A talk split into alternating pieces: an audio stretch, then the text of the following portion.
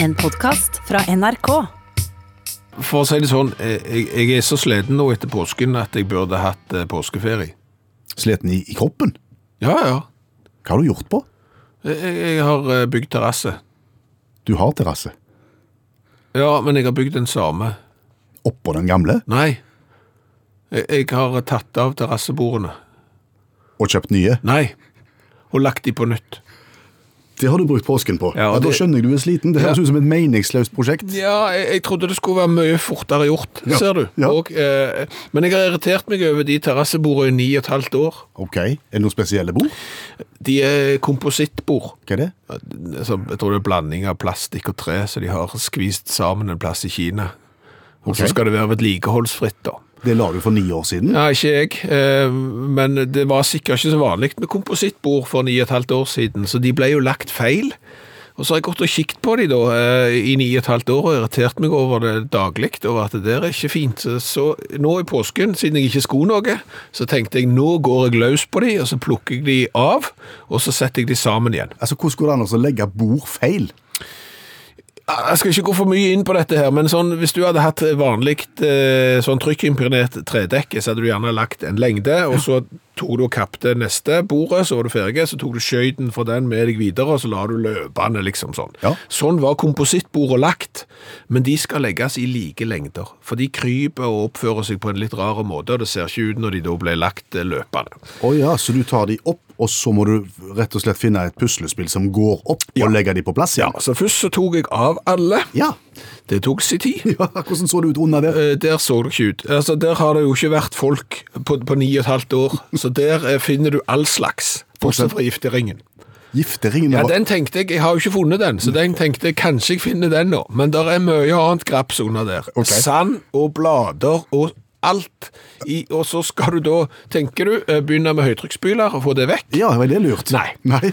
Der ligger det såpass mye sorpa og graps og fjør eh, av døde fugler og all slags mirakel, så begynner du med høytrykksspyleren, og da har du det overalt. Å ja. I trynet, på vegger, på vinduer, overalt. Så det gir du opp. Du går for kost i stedet for. Nei, det burde du gjort, men så er det bare 40 cm mellom disse dragerne, da, eller bærebjelkene, og der går ikke kosten nedi. Nei! Hva verktøy må du bruke da? Da brukte jeg ei sånn spade som du har i sandkassen når du er liten unge. Å ja. Så da brukte du ganske mye tid før du egentlig kom i gang med prosjektet? Det kan du fint si, og så måtte jeg begynne å sortere disse komposittbordene i lengde. Ja. Så la jeg hauger, målte de opp, og så hadde jeg en haug som var så lang, en haug som var så lang, og så måtte jeg sette meg ned og la- tegne eh, puslespillet for å få det til å gå opp. Og det gjorde det. Og så Ja. var det bare å gå i gang, da, eller? For så vidt eh, måtte jo ha spesialfester, så da gikk jeg ut og kjøpte rikeslikten med de. Ja, kan vel det si. 300. Å ja. Ja. Altså, i stedet for skruer? Ja, du skrur, det, det er noen fester, så du skrur f- i eh, planken da, sånn spesialgreier. Eh, De var kjempedyre. Ok, 300 av deg, Ja. og så gikk du i gang, og det var haugen på nok? Nei.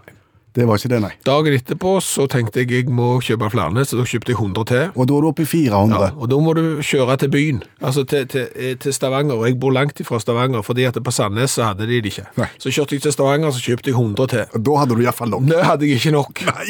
Eh, Da gikk jeg tomme. Så dagen etterpå så måtte jeg til Stavanger igjen for å kjøpe de samme en gang til. Da kjøpte jeg 100 til. Du vurderte ikke å kjøpe litt flere når du først var De er så dyre. Ok, 100 til, da var det nok? Nei. Nei. Det var faktisk ikke nok da heller, men da var det blitt helligdag, så da var det stengt. Å ja. Så du, å ja, så du er ikke ferdig ennå? Nei, og da kan jeg heller ikke sage. Nei, for det har vært helligdag, ja. Ja, eh, Så da må jeg finne på noe annet med terrassen for å liksom ta noe annet. Eh, Da begynte jeg med å sage inne i garasjen for å så måle opp, sage opp, sånn at jeg er klar til når jeg da endelig har kjøpt nye fester. Eh, Jeg vet ikke om du vet hvor mye sånne sagspon av blanding av plast og, og tre der kommer, sånne svarte Ganske mye. komposittbord. Ser jo ikke ut. Nei. Du har trynet fullt, Ja. og håret fullt, og alt i sammen. Så åpner jo butikken igjen på påskeaften. Da kan du gå ut og kjøpe 100 fester til. Da har du nok. Det har du ikke. Du mangler akkurat 35 fester. Så du er altså ikke ferdig? Jeg er ikke ferdig, men jeg er helt ferdig, fordi jeg har ligget på hug nå i og skrudd snart 600 sånne fester ned i den der idiotiske terrassen, og det trodde jeg skulle klare på ei helg. Ok, men da kan vi vel konstatere at du har lært litt av denne påsken her. For da? det første, det koster å være pioner innenfor terrassebord, altså kompositt, når du er nye med det, Ja. så blir det fort rolls. Ja, det ble fort også, men jeg har lært en viktig ting til. Ja, Ja, så trenger du mange fester, det, å ja, du trenger mye mer enn du tror. og så har du lært at Så har jeg lært det at eh, du glemmer at det der er eh, koronatider, og at du skal tilbake igjen på jobb, og, og oppføre deg sånn som du må på jobb, nemlig det første du gjør når du kommer inn på huset her, er å sprite hendene. Ja. Det hadde jo jeg glemt, for jeg har jo vært ei uke i isolasjon på terrassen nå, så når jeg da sprita hendene mine når jeg kom på jobb, fotla småsår, det var kjempevondt. Hallo, ja. Hallais, Klingsheim. Hei, Stavanger-smurfen. Stavanger-kameratene, go, go, go. Jeg skal trege deg igjen. Det ser ut som det eh, ikke blir fotball ennå med det første. Nei. Men du, Ja. har du lyst til å kjøpe T-skjorte? Selger du T-skjorte? Ja, og linjal. Og linjal. Og nøkkelknippe. Det var voldsomt. Og ball.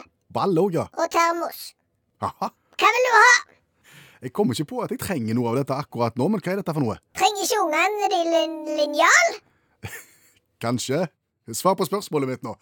Du sitter inne med en masse forskjellige remedier som du skal selge. Det er T-skjorter, linjaler og termos fra fotball-EM 2020. Og så har jeg en hel del pannebånd, og, og det er òg T-skjorter og forskjellig fra sommer-OL 2020. Det skal jo ikke være verken fotball-EM eller sommer-OL. Nei, si det til kajakken, du. Til naboen din? Ja. Det var han som bestilte, det var han som sa det var en god idé. Han har jo kjenninger i Kina, vet du. Kona hans er jo derfra. Så han har bestilt to containere med supporterartikler for sommer-OL 2020 og fotball-EM 2020. Så nå brenner dere inne med en del, kan du si. Det kan du si! Og det dumme er jo at det står jo fotball-EM 2020 på hele brystet på de T-skjortene, og sommer-OL 2020 på de Altså, det er ikke tvil om hva det er for noe. Det er ingen som vil ha deg. Nei, det er jo ikke det! Og hva fader skal du gjøre? Hvor, hvor er effektene nå? De står i to containere ut forbi her, og det er min jobb da å bli kvitt det driten, for å si det sånn. Ja, Kanskje han gjør det sjøl, da? Kajakken åpner jo ikke noen containere som kommer fra Kina. Han er jo livredd. Altså, du vet hvordan han er. Ha- Han flytta jo ut fra, fra kona, for hun er kinesisk, selv om hun hadde vært i Norge i mange år. Stemmer han det. er jo livredd, vet du, med sånn dobbeltsidige kols og greier. Han er jo i faregruppe og aldeles. Så han tør jo ikke åpne de containerne selv om de kom i november. Men du, men du har vært med og finansiert dette her, eller? Det er det jeg har. I et svakt øyeblikk, Klingsheim. Kvinnesland Ja, heter det. Samme kan det være, og det er derfor jeg tenker at nå, nå må jeg drive med hva det heter for noe sånt. Det der når du driver så Skadebegrensning! Oi, ja. Ok. Eh, Ja, de kan jo bli på en måte litt sånn sjeldne. Nei. ikke det? Altså, de kunne blitt sjeldne hvis du hadde ti. Ja, Men når du har 10 000 T-skjorter, så blir de ikke sjeldne. Vi har som en T-skjorte, Klingsheim. Kvinnesland. Ja, samme kan det være. Og hvem var det som tenkte at det var en god idé med 4500 linjaler? Og tosken har jo kjøpt leitere òg. Det er jo ikke folk som røyker lenger. Og der står det OL i Tokyo 2020 på de. Jeg skjønner at det kan bli tung, tungt å bli av, det- av med dette. Tungt å bli av med, ja. Ja. Har jo ikke plass i hagen lenger. Det står jo to containere der. Har du brukt mye penger på dette sjøl? Kolossalt. Ja, Ja. godt. Ja. For å si det sånn, det, igjen, jeg angrer på det. Men du vet, det var et svakt øyeblikk, og det var seint. Hvis du skjønner. Du og kajakken. Ja, det var lett å si ja da. Og så tok han noen telefoner til kona, og kona tok noen telefoner til noen slektninger, og vips, så sto det to containere i hagen. Og siden har ikke livet vært det samme. Nei. Nei. Altså, så det eneste jeg tenker på, Klingsheim Kvinnesland, Ja, samme kan det være, og der kan kanskje du legge inn et godt råd for meg. et godt råd? Godt ord. Et godt ord. Ja. Hva da? Det, det er jo den der krisepakken til, til, til staten. Du vil prøve deg på den, ja? Altså du kan si Dette er jo en konsekvens av koronaen, hvis du skjønner. Det at det ikke blir OL i 2020 eller fotball-EM i 2020. Nei. Så Sånn sett så har jo vi investert i noe som vi trodde det skulle bli noe av. Da får nesten du og så kajakken sette dere ned og skrive en søknad om det, tror jeg. Problemet, Klingsheim, Kvinnesland. mellom oss, Det er jo ikke offisielle produkter vi selger, hvis du skjønner. Det, det er jo det piratproduktet. Det, det sa ikke jeg, det, det sa du, men, men Du skjønner. Så det er hvordan vi skal formulere oss der. Nei, vet du hva, jeg må bare le, fordi at det, det er tragikomisk alt i sammen. Nei, tenk at sparepengene skulle forsvinne på denne måten. Det hadde jeg aldri trodd. Uff. Du må ha lykke til. Jo, tusen takk. Vi snakkes. Ha det. Jeg satt og, og tenkte på det som Stavanger-smurfen sa for to-tre minutter siden her. Hva? Eh, At han da brenner inne med mengder av eh, offisielle EM- og OL-produkter. Ja, eh, Som det står 2020 på. ja. Og disse mesterskapene blir jo avlyst. Og han har jo et poeng. Altså, da, da må jo et sted i verden være noen enorme lagre av den slags nå. Ja, jeg vil jo tippe at eh, de som skal arrangere OL i Tokyo, eh, ikke i 2020, men i 2021, eh, de, de har jo allerede begynt å planlegge det. De var nå godt i gang med det, tenker Ja, jeg. og, og det er jo ikke så mange ukene siden det ble bestemt at OL skulle utsettes, og, og, og dermed så var nok masse av disse produktene, bannere som skal henge i gata, eh, T-skjorter og all slags sånn offisielt materiell som skal deles ut, Ja. der det står Tokyo 2020 på, det, det var nok ferikt. Akkurat det samme som med, med Europamesterskapet i fotball, som kommer enda tidligere. Ja. Altså EM 2020, som skal være i mange forskjellige land, skulle ha vært. Ja, og som nå skal være i mange forskjellige land, eh, men i 2021, og da er det jo bare å begynne å stryke. Ja, men hva gjør de? Jeg vet ikke jeg. Du kan jo ikke kjøpe sånn Du kunne jo kjøpe sånn stryk på lapper. Ja. Og så liksom rette hver Men du kan jo ikke det heller. Nei, men trygt er trygt. Og når du sitter da med eh, tusenvis av T-skjorter, Mhm. så kan du ikke ta vekk det du har trykt, så du kan kanskje eventuelt trykke på noe mer. Og Hvis, og hvis du da får på en tekst som sier noe om pga. korona, et eller annet, så har du brått et samleobjekt. Ja, men det er, er- altså, det- jeg jeg tror ikke det, fordi at det, altså, ti- ting som eh, er, er for eksempel trykt feil, eh, la oss si frimerker, de er jo kjempemye verdt hvis du har trykt feil. Men det er jo fordi at de finnes i så enormt små kvanta. Eh, Hvis du da kommer med en million t-skjorter, eh, så er de ikke så sjeldne Nei. lenger. Eh, Så det er, tror jeg ikke skjer. Men slipper de de ut på markedet nå, tror du du bare tenker at vi må bare få det vekk? For vi skal trykke nye til neste Det år? kan jo hende at de rett og slett bare sier at vet du hva, eh, det skal stå eh, 2020 på det, selv om det er i 2021. For egentlig så er det jo OL i 2020 er i 2021, så det kan jo hende at de bare lar det være med det. Det er nok den billigste varianten, tenker jeg. Ja. Men det, men det er jo litt stusslig allikevel. Du får en sånn, litt sånn schizofrene opplevelse av hele mesterskapet, enten det er OL eller eh, fotball-EM, når du sitter og ser på T-skjorta di, der står det 2020, og så ser du på mobiltelefonen din, der står det vitterlig 2021. Når du har bygd terrasse en hel påske, eh, så føler du at du har kasta vekk mye av påsken. Jeg vil påstå at det har vært kanskje den kjedeligste påsken jeg noensinne har vært med på. Det har jo vært en veldig spesiell påske for veldig mange, og jeg tror ganske mange har opplevd den som annerledes og sikkert ganske Ja, kjedelig også. altså, En ting er at du ikke kan gå, dra på hytta hvis du har hytte, men det er jo svært mange som ikke har hytter, som er vant med å ha hjemmepåske. Men de har jo ikke kunnet gå til noen, de heller, så de har jo òg syntes at det har vært kjedelig. Ja, men i dette radioprogrammet så er vi jo opptatt av perspektiv. Og når vi skal ha perspektiv på ting, så henter vi gjerne inn allmennlærer med to vekttall i musikk, Olav Hove, med oss via EDB hjemme fra eh, kjellerstua, og vil gi oss perspektiv på dette med kjedelig. For det er ikke sikkert at det har vært så kjedelig i påsken allikevel, ikke sant? Nei, det stemmer det. For eh, det var nettopp ei av døtrene mine som sa dette er den kjedeligste påsken noensinne. Og det tviler jeg på, altså. For dette her har jo folk forska på. På kjedelige påsker? Eh, Ja, ikke kjedelige påsker, men kjedelige dager, da, for å si det sånn. De kjedeligste dagene i historien. Hva er parametrene det- da? Nei, det skal jeg fortelle deg om nå. fordi at Det var nemlig en, en vitenskapsmann ved Cambridge University. Eh, William Tunsdal Pedo heter han. Han heter Pedo, ja. Hadde ikke, han hadde ikke fått jobb i barnehage, han.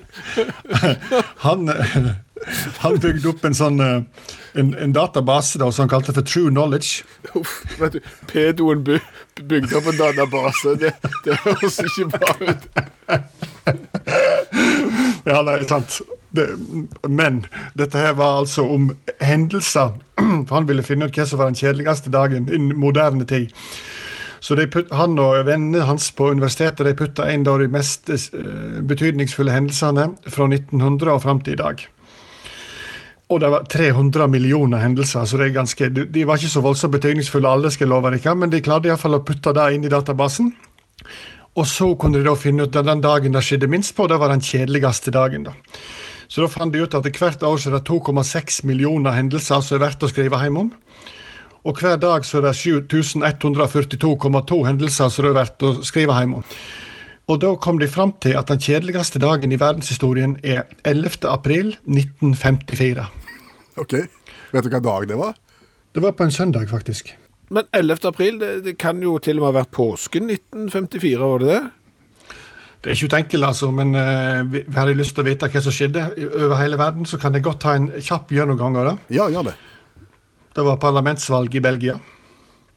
Achilles von Acher vann- ble statsminister, ikke noe dramatisk der. Den tyrkiske akademikeren Abdullah Atalar ble født. Og den tidligere høyrebacken til Oldham Athletic, Jack Shuttlebottom, døde. Det var det. Ikke mer å skrive ham hjem om fra 11. april 1954, så det er klart at eh, i dag har det vært spektakulært. Vi har altså kåra eh, søndag 11. april til 1954 til tidenes kjedeligste dag. Ja.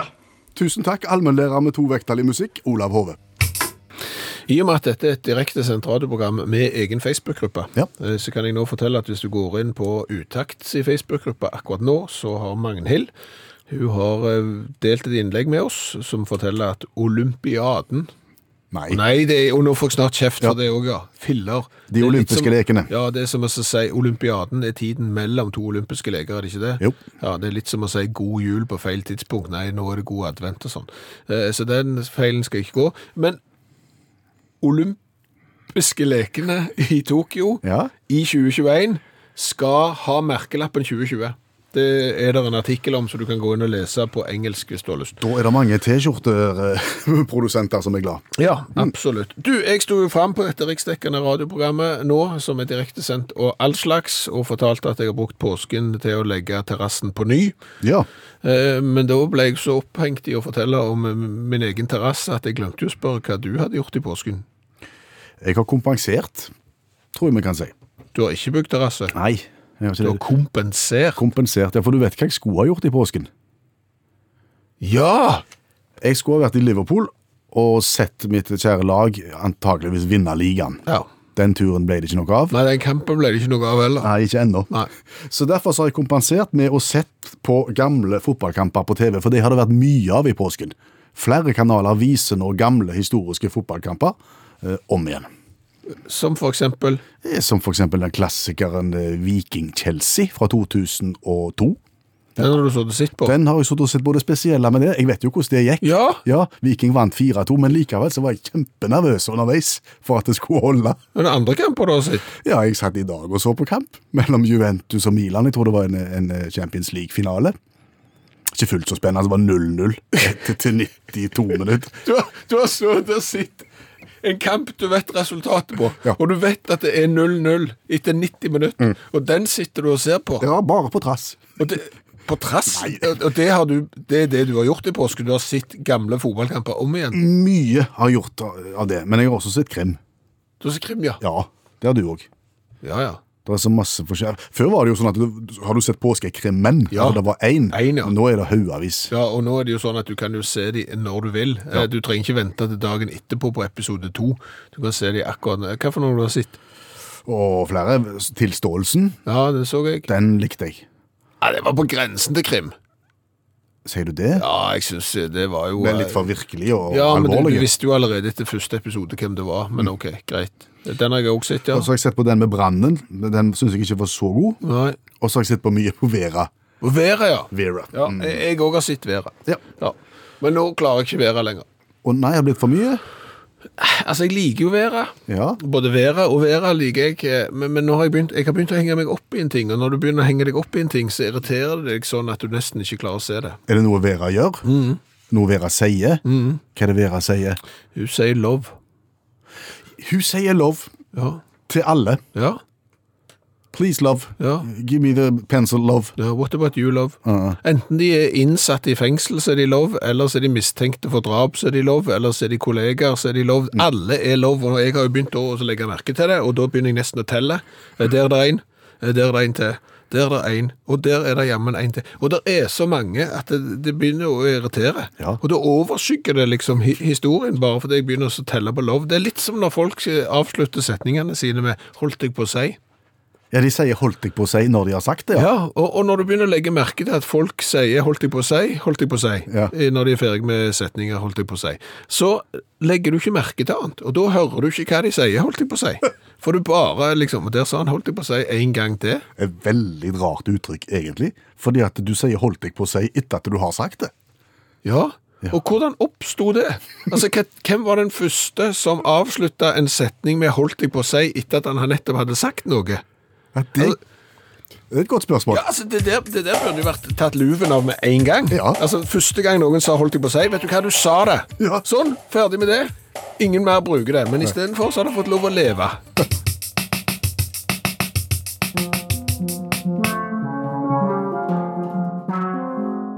Nå skal du få lære 'Usynlig mann' av Ralph Ellison fra 1952, og den kan oppsummeres sånn. Det er ikke bare enkelt å være menneske, og særlig ikke om man er en svart mann i depresjonens USA.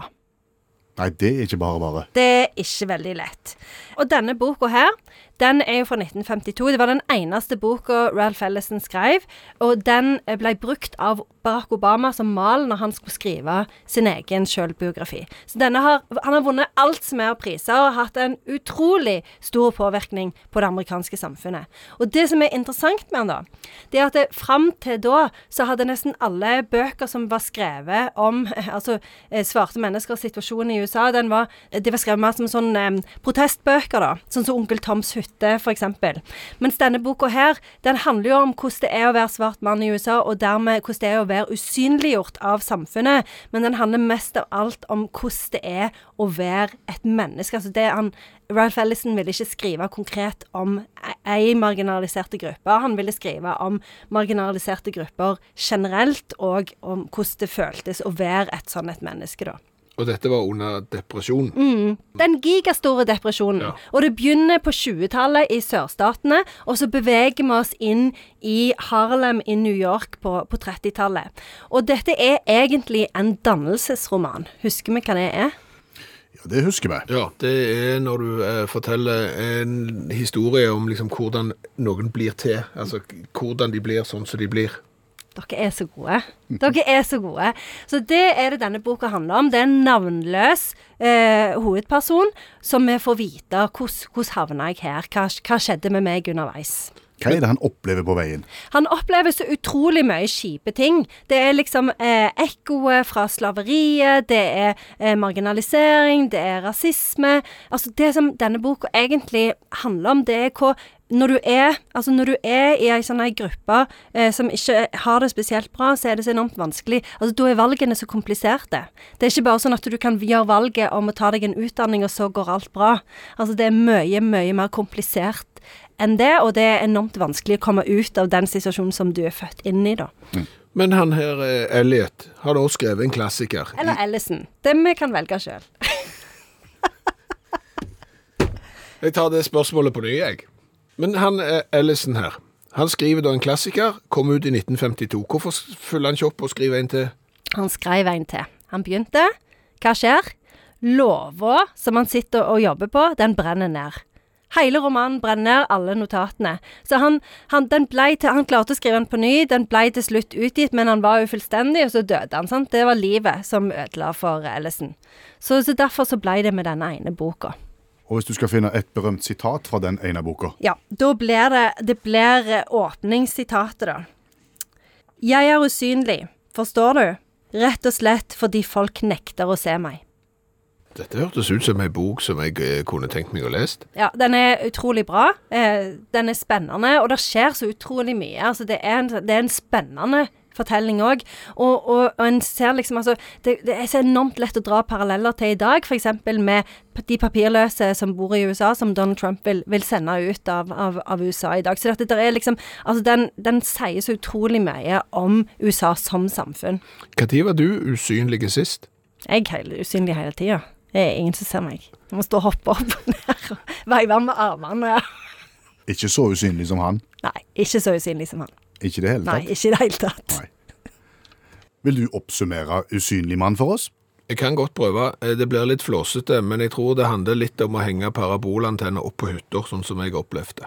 Det hørtes flåsete ut, ja. Ja, eh, men jeg hang jo opp da en parabolantenne på en stolpe som var eh, E-verket sin. Mhm. Eh, Den tok de ned med lapp til meg om at du kan ikke henge opp parabolantenner på E-verket sine stolper uten å søke. Nei. Da spurte jeg hvor skal jeg søke? Eh, Det går ikke an å søke, for vi tillater ikke at folk henger opp parabolantenner på E-verket sine stolper. Ser du? Det er faktisk en veldig tydelig parallell til denne Ja, boka. jeg, jeg ser den parallellen, og jeg syns at dette, dette fungerer kjempefint. For det er det som er med klassikerne. Sant? De sier jo noe til deg òg. De forteller deg noe. De forklarer deg noe om samfunnet, men du skal òg kjenne deg igjen. Ja. Sant? Men- Fra det men- minste til det største. Men den usynlige mannen hadde ikke parabolantenne. Nei, det hadde det ennå vært så vel. Takk, Janne Stigen Drangsholt, forfatter og litteraturviter. Et eh, spørsmål som er reist av Håvard i Facebook-gruppa til Utakt. Det kom inn akkurat nå. Ja. Temaet er påskebudskapet, Bibelens påskebudskap versus fridager.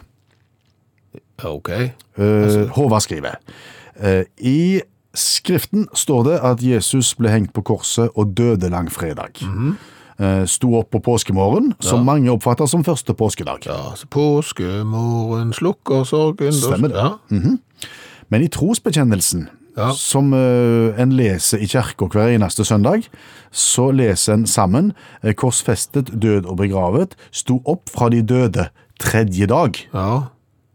Spørsmålet til Håvard da er rett og slett om vi er snytt for en fridag. For hvis Jesus eh, døde langfredag og sto opp tredje dagen, så er vi jo vitterlig kommet til mandag, som altså er i dag. Så i dag burde da vært eh, første påskedag, og vi burde òg hatt fri andre påskedag, eh, som er, da ville vært i morgen. Ja, altså, så Håvard sier at eh, som dere sikkert forstår, så kan jeg ikke så mye om bibelhistorie, men han syns det ville vært for gale hvis vi er snytt for en fridag. Og det er jo litt for gale hvis, hvis det da viser seg at det som eh, i dag er andre påskedag, det er jo på en måte en sånn en dag som er litt sånn oppmykningen av påskedagen. Det er det du er på grensen til at du kan bygge terrasse på andre påskedag. Det er da du reiser hjem fra hytta og, og pakker. Ja, men isolert sett, altså teknisk sett, så har vi jo fri. Ja. Og så sånn sett så har vi jo på en måte tredje dagen intakt som fridag. Jo, men, Men litt, men litt for lite hellig, tenker du. Ja, fordi at da burde du den påfølgende fridagen kommet. Altså, fordi hvis jeg ikke tar, Det er ikke alle som har fri andre påskedag. I Norge har vi det, og det tror jeg er noe historisk med at eh, det var så langt til kirka at når du da var på gudstjeneste eh, første påskedag, eh, så for å i det hele tatt å komme deg hjem til budskapen din, eh, så måtte du ha fri dagen etterpå òg. Ja. Eh, noe sånn eh, greier. Men hva, altså, tenker du med at vi skulle kalt eh, andre påskedag for første påskedag, altså i dag, Mm. og i morgen og tirsdag skulle vært andre påskedag? Hva skulle da søndagen vært som i dag er første Ja, påskedag? da måtte det vært søndag. Bare søndag. Ja, den er jo alltid på en måte hellige. Men jeg, altså, jeg, jeg tror det er en problemstilling her eh, rundt eh, liksom, hva er første og hva er neste, og den der stilen der. For liksom, hvis jeg sier til deg møtes neste tirsdag, altså er neste tirsdag i morgen, eller er neste tirsdag tirsdag om en uke? Der tror jeg det er en del sånn eh, feil eh, feller du kan gå i. Ja. Fordi at hvis du leser eh, Lukas, så står det der, tidlig på søndag morgen, mens solen var i ferd med å gå opp, gikk kvinnene til graven med salven de hadde gjort i stand. Der fikk de se at steinen som hadde dekket åpningen var blitt rullet til siden. Da de gikk inn i graven, kunne de ikke finne kroppen til Herren Jesus. Altså, det gjorde de på søndag. Ja. Første, Står pås det der. første påskedag. Ja. Og dermed så tror jeg at du har litt den der problemstillingen som jeg sa, med hva er for eksempel neste onsdag, neste tirsdag og sånn, at du, du teller gjerne fra dag én. du du teller- teller ikke dag null. Du, nei, du teller med fredagen. Ja, fredag er dag 1, lørdag dag 2, søndag er da dag 3. Og vi er ikke snytt for en fridag. Ja, det kan du jo alltid si. Altså, Det er jo folk som har berøvd oss for fridager før, og, og våre tanker går jo til en som heter Struense, som vel eh, to, tok makten på, på egen hånd fordi at kongen var riv ruskende gal og, og fjerna fridager med ja, Ja. som om ingenting hadde skjedd. Ja, Mikkelsmessa forsvant da. Mikkelsmessa gjør, gikk bare ut med badevannet. Ålreit. Men eh, Håvard, takk for innspillet. Interessant. Har du lyst til å smake på Shasta-cola? Hvis du vil fortelle meg hvor Shasta-colaen kommer fra først. Eh, Den kommer fra USA, men den er kjøpt eh, på Samoa. Hvor er Samoa? Ja, det er det. Det er sånn ei øy. ja. Eh, og vi har jo smakt på samoansk cola. Jeg tok en råsjanse på at det heter samoansk jeg, når det er fra Samoa. Men eh, lokalprodusert. Eh, men den her òg er kjøpt i samme rennet, men den er også produsert i USA. Ok, bare for å ta utgangspunktet her. Hver eneste mandag så tester vi en ny cola fra et eller annet sted i verden. Ja. Nærmer oss 300 varianter nå, Ja. og turen er da kommet til Shasta Cola, som vi har fått tilsendt.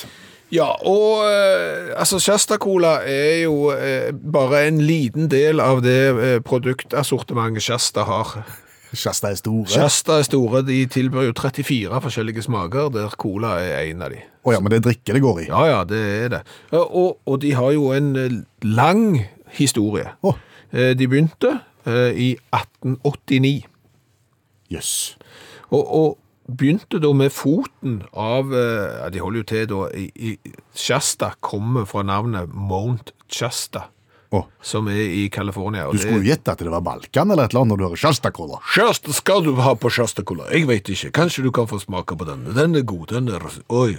Nei, men Mount Shasta i eh, California, ja. Et høyt eh, fjell på hele 4321,8 meter. Og i forbindelse med det eh, fjellet der, så er det jo selvfølgelig en mineralvannkilde, og det er der eh, Shasta holder til. Mm. Å, ja. Shasta Mineral Springs Company med base, i, med base med foten av Monchasta. I 1889 begynte de. Og så har de på en måte utvikla seg. Begynte de da med kullsyreholdig læskedrikk i 1931. Og er kjøpt opp et par ganger eh, før de nå har gått eh, global med bl.a. å eksportere til Samoa. Vet vi om de er store sammenlignet med de tradisjonelle gigantene? Nei. Nei, vi vet ikke det. Men vi vet ikke det. Vi bare antar at det er det ikke. Nei. Nei. Men det vi kan si det er at de har eh, tatt veldig etter når du tenker på design. For nå sitter du med en rød boks Mhm. i hånd, og fargen på den røde boksen er jo så godt som identisk med den originale Coca-Cola-rødfargen. Ja. Og så står det Shasta-Cola med litt sånn eh, hvite bokstaver, og så litt stjerner. Ja, og så har de klart å så få med eh, fjellet Monchasta eh, på et eh, lite bilde oppi hjørnet. La oss smake. Er du klar? Det er Den vakreste lyden i verden. Det er, ja, det, er, det, er, det er den vakreste lyden i verden. Og den nest vakreste det er denne. Og den tre vakreste lyden det er når en boks med brus detter ut av en colaautomat, og du hører sånn rumling sånn. Ok, vi tar og gir poeng fra 1 til 10 på smak først til Shasta-Colaen. Og dette er kålsvart. Pleier å være et godt utgangspunkt. Lukter passe søtt. Ja. Dette kan de. Likte du den? Ja. Jeg likte den ikke, jeg. Jo, det vil jeg si. Er vi på noe så sjelden som dissens? I smak, ja. Jeg syns den er Der er, jeg må svare, der er et eller annet. Det er Mulig jeg har inhalert så mye sånne kompositt-terrassebord jeg i påsken at jeg har ødelagt smaksløkene mine. Altså Hvis du tenker helt tradisjonell cola, så smaker den omtrent sånn. Ikke noe sånn tilleggssmak, ikke noe ettersmak, ikke noe smak av organisk materiale som skal gjøre den sunn. Ingenting. Helt grei terningkast eller eh, poengsum seks. Seks, ja.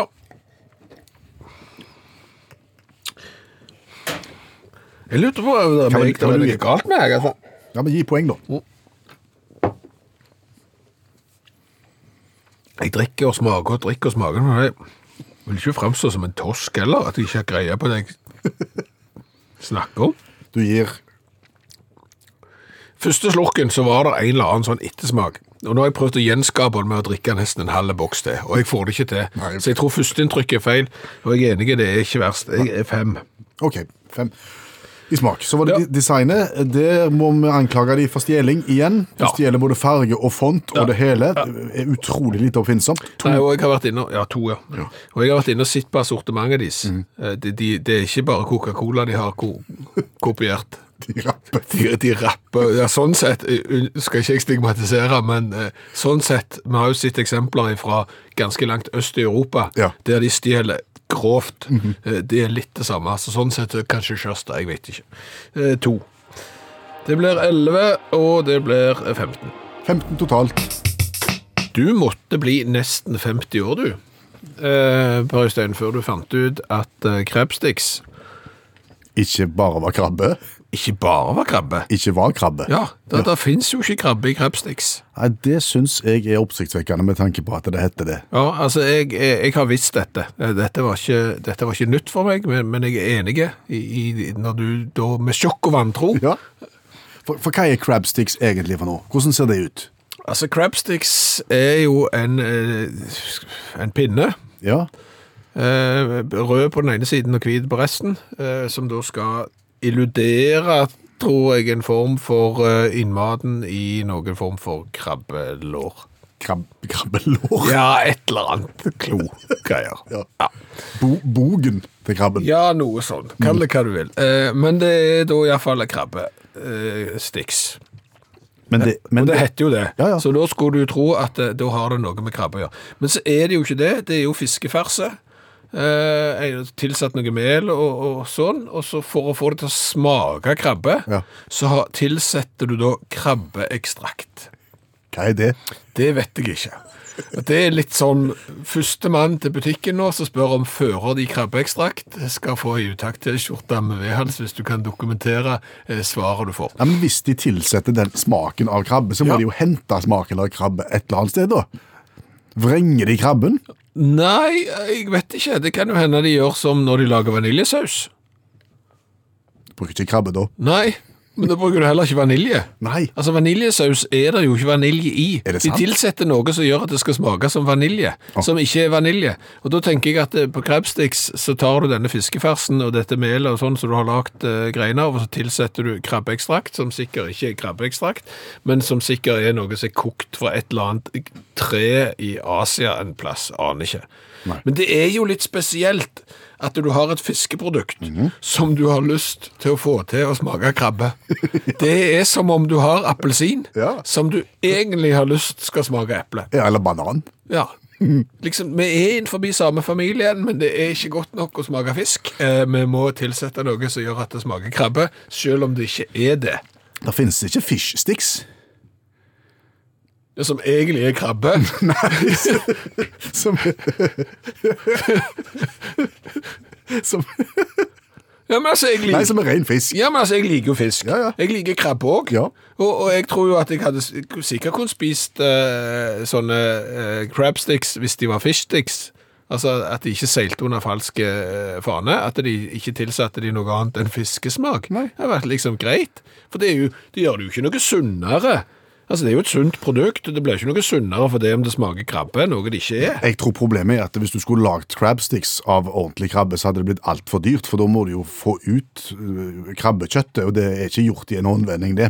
Nei, det er jeg enig i. Da er det styr, og så tar det tid, og så blir det dyrt. Ja. Så, så du, du mener at egentlig så har folk mer lyst på krabbe enn fisk? Ja. Og er villige til liksom å, å godta at det er ikke krabbe, men jeg later som om det er hvis jeg bare lukker øynene mine og tenker nok på krabbe, så er det krabbe. Jeg, jeg tror det må være sånn. jeg. 500 Miles, The Hooters.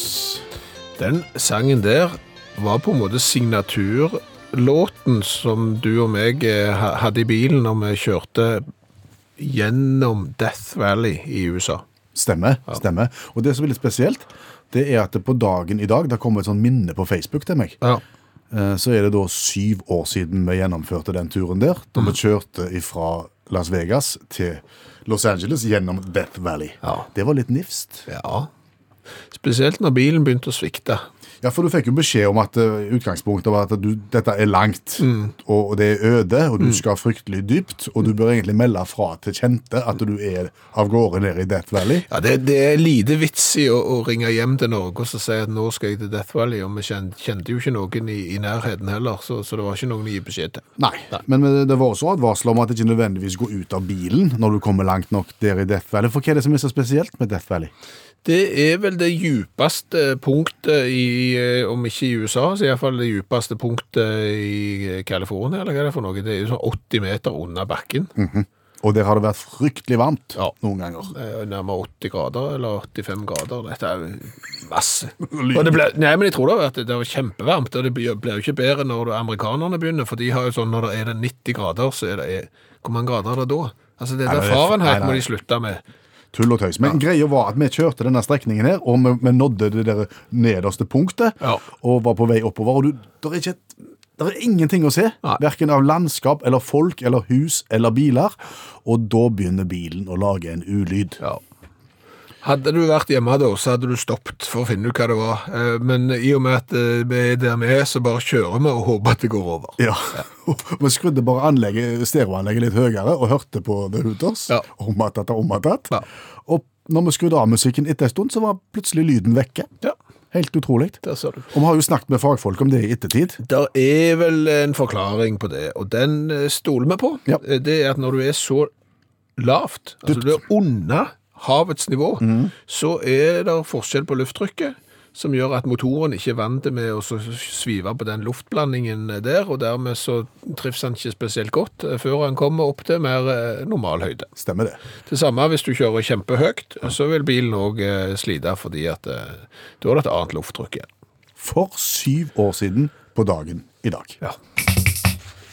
Dagene kan være litt kjedelige og, og litt annerledes, Mm. og vi vil gjerne gi deg en hjelpende hånd. Vi vil gi deg forslag til en fritidsaktivitet. Ja, en selskapslek. Fordi vi har vel et inntrykk av at selskapsleken ikke står så sterkt nå som han gjorde før. eh, Og så har folk eh, fått virkelig fått brynt seg på Monopol, Ludo og andre brettspill, og er kanskje gått litt lei. Ja. Dermed har jo vi funnet fram Simon Myrberges i eh, bok 'Selskapsleker' fra 1955, Ja. eh, som jo da er sjette opplag i 1955. Det bare viser jo hvor enormt populært eh, selskapsleker sto på, på 50-tallet, når du måtte trykke det ene opplaget etter det andre. Altså, det er en godtepose, og vi har jo allerede tatt for oss noen. Forrige uke så var det vel tepotten min. Ja, og, og det er klart her finner du eh, tradisjonelle spill eh, eller eh, selskapsleker som eh, skipet mitt er lastet med og tampen brenner og sånn. Du finner òg eh, leker som du gjerne ikke har så god kontroll på. Spor deres Pegasus, for eksempel. Frimenareri. Ja. Risse runer. Ja, men nå, men, men nå, må du, nå må ikke du bare risse i overflaten her. Nei. Nå må vi gå dypt inn i en selskapslek som vi vil anbefale. Ja, nå, i dag vil vi anbefale numeral. Numeral? Hva er det for en lek? Det er en lek som er som følger. Eh, Selskapet velger en ordfører. En ordfører? Ja, det er det første du gjør. Greit. Eh, og alle de andre, eh, som ikke da er ordførere, de får hver sitt tall fra 1 til 10. Å ja. Al- Og er det flere enn 10 med her, Mm. eh, nå må dere følge med, så får den 11. nummer 1, Å, og den 12. får nummer 2. Altså, så du har hele veien bare fra 1 til 10. Skjønner du? nei, men det er så. Altså, Jeg ok. har to enere her, da. Hvis dere både Stemmer det, Å, ja. stemmer det. Og er du 12, så har du to toere. Da skjønte jeg. Ja da. Og så er det sånn, ordføreren skal fortelle en historie. Jaha. Og i den historien til ordføreren så må det fremkomme mange tall. Å, skjønner. Og så snart et tall blir nevnt, må den eller de som har dette tallet, straks reise seg Ja. og bukke. Og du må booke òg, ja. Ja, det er da det blir gøy.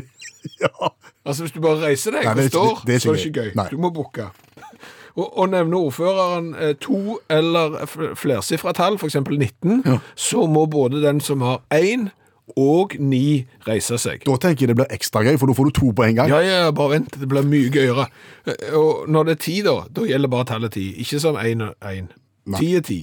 Ja, det er viktig å huske. Men 19 er én og ni. Og så må du reise deg og bukke. Ikke bare stå. Nei, nei. Nei. Skjønner. Eh, og den som ikke reiser seg straks, tallet hans blir nevnt i fortellingen. Han er ute. Nei, han må gi pant. pant. Ja, det, det, det gjennomgående i hele boka her er at folk må gi pant, og det, det er jeg ikke helt, helt eh, fortrolig med hva Må man de gjør. og ha med flasker? Ja, jeg er ikke sikker. Og og det samme gjelder ordføreren.